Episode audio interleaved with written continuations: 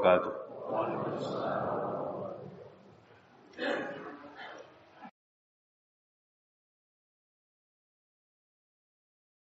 إن الحمد لله نحمده ونستعينه ونستغفره ونعوذ بالله من شرور أنفسنا ومن سيئات أعمالنا.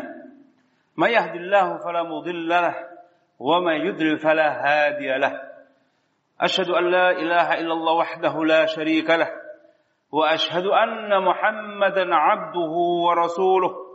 اللهم صل وسلم وبارك على عبدك ورسولك محمد صلى الله عليه وسلم وعلى آله وأصحابه ومن تبعه بإحسان إلى يوم القيامة. قال الله عز وجل في محكم تنزيل بعد أعوذ بالله من الشيطان الرجيم يا أيها الذين آمنوا اتقوا الله حق تقاته ولا تموتن إلا وأنتم مسلمون. وقال أيضا يا أيها الناس اتقوا ربكم الذي خلقكم من نفس واحدة وخلق منها زوجها وبث منهما رجالا كثيرا ونساء. واتقوا الله الذي تساءلون به والأرحام. إن الله كان عليكم رقيبا. يا أيها الذين آمنوا اتقوا الله وقولوا قولا سديدا. يصلح لكم أعمالكم ويغفر لكم ذنوبكم. ومن يطع الله ورسوله فقد فاز فوزا عظيما. أما بعد فإن أصدق الكلام كلام الله وخل هدي هدي محمد صلى الله عليه وسلم وشر الأمور محدثاتها وكل محدثة بدعة وكل بدعة ضلالة وكل ضلالة في النار. معشر المسلمين sidang Jumaah waffaqanillah wa iyyakum lima yuhibbu wardah Alhamdulillah segala puji dan sanjungan hanya milik Allah Subhanahu wa taala maka menjadi kewajiban kita sebagai hamba Allah untuk menunaikan rasa syukur atas segala nikmat yang Allah telah limpahkan kepada kita. Nikmat zahirah wa batinah. Baik nikmat yang tampak ataupun yang tersembunyi. Dan jangan sampai kita menjadikan nikmat Allah ini sebagai alat untuk berbuat maksiat kepadanya. Bahkan seharusnya kita menjadikan nikmat ini alat untuk meningkatkan ubudiyah dan ketakwaan kita kepada Allah. Dan kita mohon kepada Allah SWT untuk memberikan taufik kepada kita untuk bisa menunaikan ibadah syukur ini.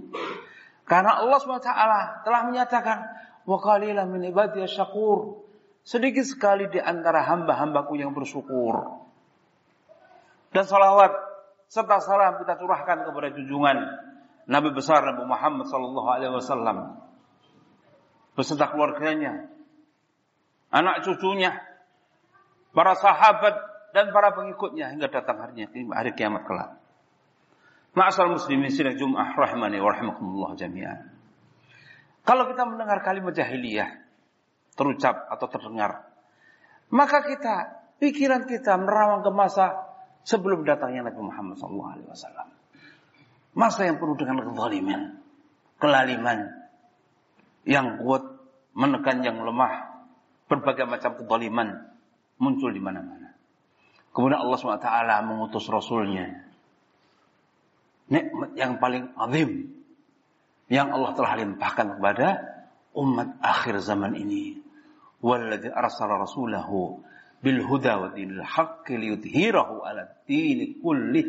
Walau karihal musyrikun.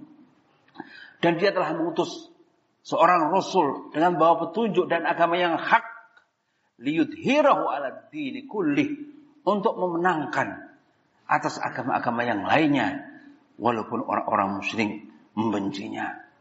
Maka dengan datangnya Nabi Shallallahu Alaihi Wasallam dengan agama dan petunjuk yang beliau bawa, maka masa jahiliyah telah sirna. Tetapi sayangnya sifat-sifat jahiliyah ini masih ada pada umat ini. Zaman telah sirna, tapi sifat-sifat jahiliyah ini pun masih tampak, masih ada. Suatu saat Nabi Shallallahu Alaihi Wasallam bersama dengan para sahabatnya mendengar ada seorang salah seorang di antara mereka mengatakan, Ya ibna Sauda, wahai anak wanita hitam. Nabi SAW langsung berikan peringatan kepada sahabat. Atu'iruhu ala ummih innaka mbu'un fika jahiliyah. Apakah engkau merendahkan orang ini gara-gara ibunya? Sungguh kamu adalah laki-laki yang ada pada sifat jahiliyah. Merendahkan orang lain. Menghina keturunannya. Ini adalah sifat jahiliyah. Dan Nabi SAW juga dalam hadis yang diriwayatkan oleh Imam Muslim. Beliau bersabda, Arba'un fi ummati min ambil jahiliyah la yatrukuhunna. Empat perkara ada pada umatku. Ini adalah di antara perkara-perkara jahiliyah yang belum mereka tinggalkan. Yang pertama, ta'nu nasab, wa fakhful hasad, wa istiqa'u bin nujum, wa niyahatul mayit. Yang pertama adalah mencela nasab orang lain. Membanggakan kedudukan dan pangkat. Menyandarkan turunnya hujan kepada bintang. Dan meratapi orang yang meninggal. Empat perkara yang termasuk di antara perkara-perkara jahiliyah. Mencela nasab orang lain. Merendahkan. Apa hubungannya nasab dengan seseorang? Apakah kemudian orang terangkat gara-gara nasabnya? Atau orang menjadi rendah gara-gara nasabnya? Keutamaan seseorang bukan pada nasabnya. Bukan pada pangkat dan jabatannya. Orang yang paling mulia di sisi Allah SWT. Inna akramakum indallahi atqakum. Orang yang paling mulia di antara kalian di sisi Allah adalah orang yang paling bertakwa. Ini salah satu bentuk kesombongan Perendahan penghinaan terhadap orang lain. Membanggakan diri dengan jabatan dan pangkatnya. Padahal Nabi SAW telah memberikan peringatan kepada kita. La yadkhul jannata man kana fi qalbi mithqala dzarratin minal kibr. Hadis sahih. Tidak akan masuk ke dalam surga barang siapa yang ada dalam dirinya mithqalah sebesar biji sawi dari kesombongan. Kesombongan adalah apa? Menolak kebenaran. Kesombongan adalah apa? Merendahkan orang lain. Datang seorang sahabat bertanya kepada Nabi Sallallahu Alaihi Wasallam, Ya Rasulullah, ahaduna yuhabbu an takuna na'luhu jamil wa thawabu jamil. Ahada min al-kibr. Wahai Rasulullah SAW, salah seorang di antara kami senang kalau sandalnya itu bagus. Bajunya itu cantik. Apakah ini termasuk kesombongan? Nabi SAW mengatakan, Al-kibru ghamdun nas wa haq. Yang nama sombong adalah merendahkan orang lain. Dan menolak kebenaran. Oleh sebab itu, menjadi kewajiban kita untuk menghindari sifat seperti ini. Merendahkan orang lain. Nasab orang lain. Karena nasab itu tidak akan bermanfaat sedikit bagi seorang di akhiratnya. Nabi Shallallahu Alaihi Wasallam bersabda, "Man bati amaluhu lam yusri nasabuhu." Barang siapa amalnya sedikit, nasabnya tidak menjadikan amalnya banyak.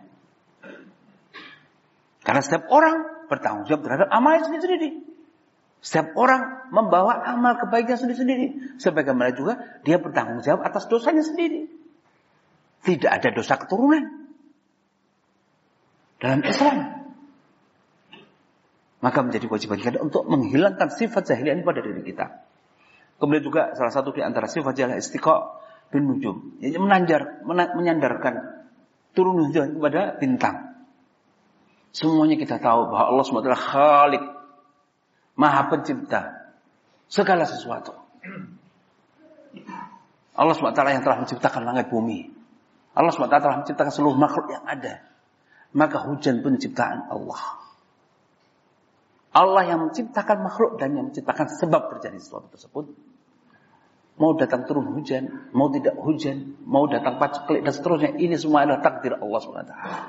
Bukan karena sebab ini, bukan karena sebab itu. Sehingga kita berpikir bahwa turun hujan gara-gara apa? Oh gara-gara perpindahan bintang ini sehingga paceklik. Oh gara-gara perpindahan bintang ini akhirnya turun hujan. Enggak. Allah yang menciptakan segala sesuatu.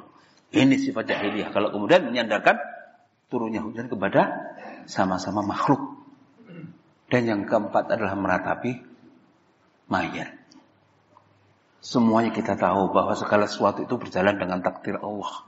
Ini salah satu di antara rukun iman yang wajib kita untuk mengimaninya. Takdir baik dan buruk. Apabila kita mendapatkan takdir yang menjadikan kita sedih. Salah seorang di antara keluarga kita meninggal. Maka ya sabar. Ajaban lil amri mu'lim. Innal amra kullahu khair. Fa in asabahu sarra'u syakar wa kana khair lahu. Wa in asabahu dharra'a sabar wa kana khair lahu. Sungguh menakjubkan urusannya orang-orang yang beriman. Semua urusannya itu baik. Apabila dia mendapatkan kebahagiaan, kenikmatan, dia bersyukur. Dan itu yang terbaik baginya. Dan apabila mendapatkan musibah, maka dia bersabar. Ujian dan cobaan itu pasti akan datang. ولنبلونكم بشيء من الخوف والجوع ونقص من الأموال والأنفس والثمرات وبشر الصابرين Pasti Allah akan menguji kita. Dengan rasa takut, dengan kecemasan, dengan kurangnya harta, dengan kematian. maka apa wabashir sabirin? Maka berikanlah kabar gembira kepada orang yang bersabar. Sabar tidak ada batasnya. Sebagaimana pahalanya juga tidak ada batasnya. Maka berbahagialah seseorang apabila mendapatkan musibah. Apa pun bentuknya musibah. Maka dia mengatakan. Qalu inna lillahi wa inna ilaihi raji'un. Selesai. Kita serahkan urusan kepada Allah SWT. Kita ini milik Allah. Dan juga kembalinya kepada Allah. Kita tidak berkuasa atas suatu apa pun. Datangnya cobaan, rasa sakit, kecelakaan, musibah, nikmat dan seterusnya. Datangnya dari Allah SWT. Sudah kita serahkan kepada Allah SWT. Bersabar dan bersyukur. Masih banyak lagi sifat-sifat jahiliyah. Secara kesimpulannya, bahwa jahiliyah adalah apabila bertentangan segala sesuatu yang bertentangan dengan al-haq. Seorang tidak mengetahui tentang hak-hak Allah. Seorang tidak mengetahui tentang syariat Allah. Seseorang tidak mengetahui tentang hak-hak Rasulullah. Banyak di antara kita berteriak-teriak tentang hak asasi manusia. Apabila dilanggar, semuanya teriak-teriak, semuanya menentang. Tapi ketika ditanya tentang hak asasi Allah, hak yang paling prinsip milik Allah, dilanggar, diinjak-injak, semuanya diam. Tidak ada yang berteriak. Hak asasi Allah. Sementara kita ketahui di luar sana, hak asasi manusia seakan-akan dituhankan. Dilanggar, pasti akan ditentang. Tapi apabila hak asasi Allah, hak yang paling asasi, yang paling prinsip Allah, maka siapa yang akan menentang? Dalam sebuah hadis diriwayatkan oleh Imam Bukhari. Suatu saat Nabi Shallallahu Alaihi Wasallam membonceng sahabatnya Mu'ad bin Jabal. Kemudian bertanya, Ya Mu'ad, atadri ma haqqullah ala ibad wa haqqul ibad ala Allah? Wahai Mu'ad, tahukah engkau hak Allah yang wajib ditunaikan oleh seorang hamba dan apa yang Allah akan berikan apabila hak Allah ini ditunaikan oleh seorang hamba? Maka Mu'ad bin Jabal menjawab, Qultu Allah wa Rasul a'lam. Allah dan Rasulnya yang paling mengetahui. Maka Rasulullah berkata, Hakullah al-ibad ayya'buduhu wa la yushriku bihi syai'ah. Hak asasi yang paling prinsip yang wajib ditunaikan oleh seorang hamba ayak buduhu menyembah Allah beribadah hanya kepadanya wala yusyrik bihi syai'a dan tidak menyekutukannya dengan sesuatu apa pun dalam beribadah kepada Allah SWT. Inilah makna kalimat la ilaha illallah. Tidak ada ilah, tidak ada sembahan yang berhak disembah kecuali Allah SWT. Ini setiap hari yang kita ikrarkan dalam sholat kita. Iya karena butuh, iya karena sa'in. Hanya kepada mulah kami menyembah. Hanya kepada Allah kami mulah. Kepada engkau lah wahai Allah, kami beribadah dan hanya kepadamu kami mohon pertolongan. Ikhlas setiap hari kita ucapkan. beribadah kepada Allah SWT dan tidak menyekutukan kepada siapa. Jangan kemudian kita berdoa kepada Allah SWT dengan khusyuknya. Tapi satu saat kita berdoa, Ya Sayyid Fulan, Ya Wali Fulan, Ya Syekh Fulan. Sementara walinya sudah meninggal, nggak tahu berapa ratus tahun yang lalu. Sementara dalam sholat dikata, Iya karena butuh, iya karena stain. Doa itu ibadah. Dan itu adalah hak Allah. Maka jangan ditujukan kepada selain Allah. Kalau kita tujukan kepada Allah, maka sesuatu tersebut adalah sekutu bagi Allah SWT dalam peribadatan kepadanya. Wa umiru illa mukhlishina lahuddin. Padahal mereka tidak diperintahkan kecuali apa? Beribadah kepada Allah mukhlisin dengan penuh keikhlasan. Ikhlas dalam beribadah, ikhlas dalam berdoa, ikhlas dalam mohon pertolongan ikhlas dalam menunaikan ibadah-ibadah yang lainnya. Ini hak asasi Allah. Masih di antara kita, di antara kaum muslimin. Pada waktu-waktu tertentu. Ya. Datang ke pinggir laut. Membawa berbagai macam bentuk. Yang namanya apa kerbau disembelih, dagingnya dimasak enak, hasil pertanian, padi, kemudian pisang dan seterusnya dimasukkan ke dalam perahu, kemudian perahunya dilarungkan. Katanya untuk apa? Sedekah laut. Sedekah laut. Maksudnya apa? Rasa syukur mereka kepada siapa? Kepada penghuni laut. Berterima kasih kepada siapa? Kepada yang menguasai lautan. Siapa? Apakah Allah? Di waktu yang lain datang ke gunung. Kemudian juga seperti itu. Menyembelih ayam, menyembelih kambing, memasak makanan enak-enak. Untuk apa? Sedekah bumi. Untuk siapa? Untuk yang bau rekso. Gunung tersebut. Kenapa tidak bersyukur kepada Allah SWT atas nikmatnya? Bukankah Allah SWT yang berkuasa atas segala satu? Allah yang memberikan rezeki, Allah yang mengatur urusan kita. Kenapa kita tidak berterima kasih dan bersyukur kepada Allah, malah kepada yang lainnya? Ini apa tidak melanggar hak asasi Allah ke tempat yang dikeramatkan, kemudian bernadar, ya Syekh Fulan, ya Wali Fulan, saya bernadar kepadamu kalau anak saya diterima jadi pegawai negeri, kalau anak saya yang sakit ini bisa sembuh, saya bernadar kepadamu untuk begini dan begitu. Nadar itu ibadah. Kenapa tidak? Ya Allah, aku bernadar kepadamu. Kalau anakku engkau sembuh, sembuhkan dari penyakitnya, maka saya akan seperti dan seperti itu. Kenapa tidak langsung bernadar kepada Allah? Yang menguasai segala sesuatu. Menguasai kesembuhan. Menguasai segala urusan hambanya. Ini namanya kadang beribadah kepada Allah, kadang beribadah kepada selain Allah. Kalau bukan ini sebuah kesyirikan, apalagi namanya? Sehingga orang yang menunaikan hak yang asasi Allah ini maka apa yang dia dapatkan? Maka Rasul mengajarkan Allah yu'adzibu ma la Allah tidak akan menyiksa, Allah tidak akan mengadab orang yang tidak menyekutukannya dengan suatu apa pun. Mengampuni dosa-dosanya. Adapun dosa syirik, seorang meninggal dalam keadaan berdoa, berbuat dosa syirik, Allah tidak akan mengampuni. Innahu ma billah faqad haram Allah jannah. Barang siapa berbuat syirik kepada Allah, maka Allah haramkan baginya surga. Ini hak asasi Allah. Mohon diperhatikan. Beribadah kepada Allah SWT dan menjauh segala bentuk kesyirikan. Ini yang disampaikan pada kesempatan khutbah yang pertama ini.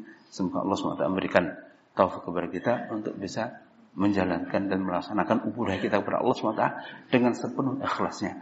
Aku lupa wa astaghfiru wa lakum wa lisa'il muslimin ghafurur rahim.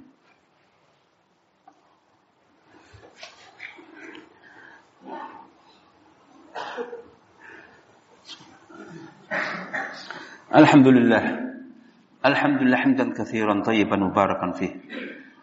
Kami yuhibbu rabbuna wardahu. Allahumma salli wa sallim wa barik ala abdika wa rasulika Muhammad sallallahu alaihi wasallam wa ala alihi wa ashabihi wa man tabi'ahu bi ihsanin ila yaumiddin. Ma'asyiral muslimin sidang Jumat rahimani wa rahimakumullah jami'an. Di antara sifat-sifat jahiliyah yang masih ada pada kita pada ma'asyiral muslimin yaitu apabila datang kebenaran. Kebenaran datangnya dari Allah dan Rasulnya. Maka kebenaran itu ditolak. Gara-gara apa? Bertentang dengan bertentangan dengan adat dan kebiasaan masyarakat di situ. Sementara itu jelas jelas datangnya dari Allah yang telah menciptakan kita, yang menghidupkan kita, yang kemudian kelak akan mematikan kita, kemudian akan membangkitkan kita dan akan menghisap seluruh amal ibadah kita. Allah yang mengetahui segala urusan kita. Mana yang baik, mana yang buruk. Itu Allah, khalik kita. Ditolak gara-gara apa? Wah ini pertentangan dengan kebiasaan sini. Jelas-jelas bahwa itu adalah hak. Kalau kemudian kita katakan, kenapa ditolak? Ini kan kebenaran. Yang akan menjaga diri kita dan menjamin kebahagiaan kita dunia dan akhirat kita. Taraktukum fikum amrain. Lan tadilu mastamsaktum bima. Kitab Allah wa sunnat Rasulullah SAW. Aku tinggalkan pada kalian dua perkara. Kalian tidak akan tersesat selama kalian berpegang dua-dua perkara ini. Yaitu apa? Al-Quran dan Sunnah Nabi SAW. Wa imma ayatiyakum min huda faman taba hudaya fala yadhillu wa la yashqa. Wa man a'rada an dzikri fa inna lahu ma'isyatan dhanka. Dan apabila datang petunjukku, maka barang siapa yang mengikuti petunjukku, maka dia tidak akan tersesat dan tidak akan celaka.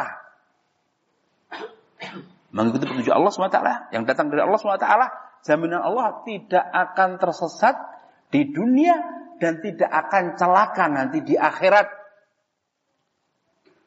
Waman a'rada an dan barang siapa berpaling dari petunjukku, fa innalahu ma'isyatan. Sungguhnya baginya kehidupan yang sempit. Wa nahsyuruhum yaumal qiyamati a'ma dan kami bangkitkan lagi pada yaumul qiyamah dalam keadaan buta. Kemudian dia protes, "Ya Rabbi, lima hasyartani a'ma wa qad kuntu basira?"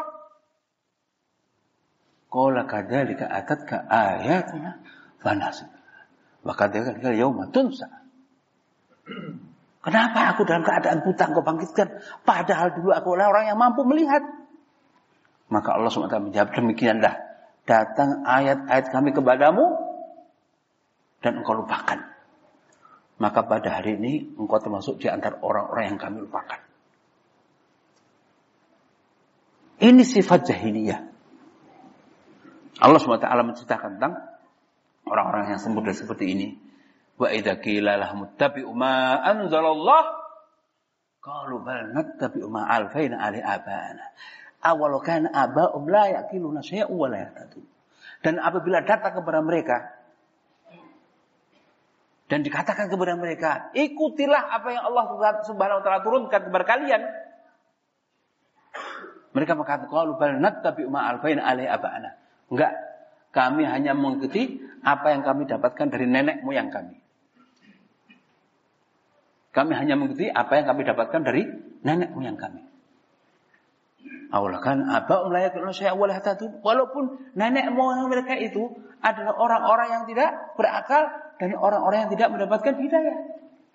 Tetapi karena kebutaannya, akhirnya dia ikuti tanpa petunjuk, tanpa hidayah. Sementara mengikuti apa yang menjadi kebiasaan nenek moyang itu tidak ada jaminannya kebahagiaan dunia dan akhiratnya. Berbeda dengan ayat-ayat Allah, petunjuk yang datang dari Allah SWT. Jaminan. Pasti bahagia. Hidup di dunia dan di akhirat. Man amila salihan min dakari unta wa mu'min. Falanuhyannahu hayatan tayyibah. Walanazziyanna ajrahum bi ahsani ma kanu ya'malun. Barang siapa beramal soleh. Baik laki-laki ataupun perempuan.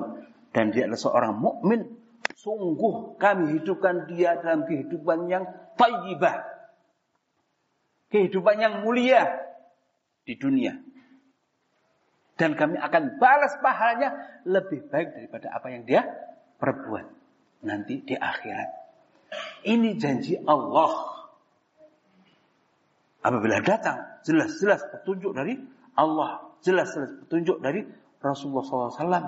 Tidak ada kata yang lain bagi seorang yang punya jiwa, seorang mukmin kecuali mengatakan sami'na wa atokna. Kami mendengar dan kami taat.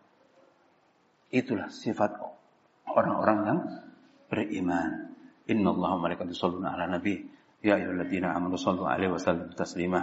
Allahumma salli ala Muhammad wa ala ali Muhammad kama sallaita ala Ibrahim wa ala ali Ibrahim innaka Hamidum Majid. Allahumma barik ala Muhammad wa ala Muhammad kama barakta ala Ibrahim wa ala ali Ibrahim innaka Hamidum Majid. اللهم اغفر لنا وللمسلمين والمسلمات والمؤمنين والمؤمنات أحياء منهم الأموات إنك قريب سميع وقاضي الحاجات اللهم اغفر لأخانا الذين سبقونا بالإيمان ولا تجعل في قلوبنا غلا الذين أمر ربنا إنك رؤوف رحيم. ربنا لا تدع في مقام هذا ذنبا إلا غفرته ولا مريضا إلا شفيته ولا حاجة من حوائج الدنيا والآخرة إلا قضيتها. اللهم أرنا الحق حقا وارزقنا اتباعه وأرنا الباطل باطلا وارزقنا اجتنابه. ربنا لا تزغ قلوبنا بعد إذ هديتنا وهب لنا من لدنك ورحمة إنك أنت الوهاب. ربنا ظلمنا أنفسنا وإن لم تغفر لنا وترحمنا لنكونن من الخاسرين. ربنا آتنا في الدنيا حسنة وفي الآخرة حسنة وقنا عذاب وأقم الصلاة.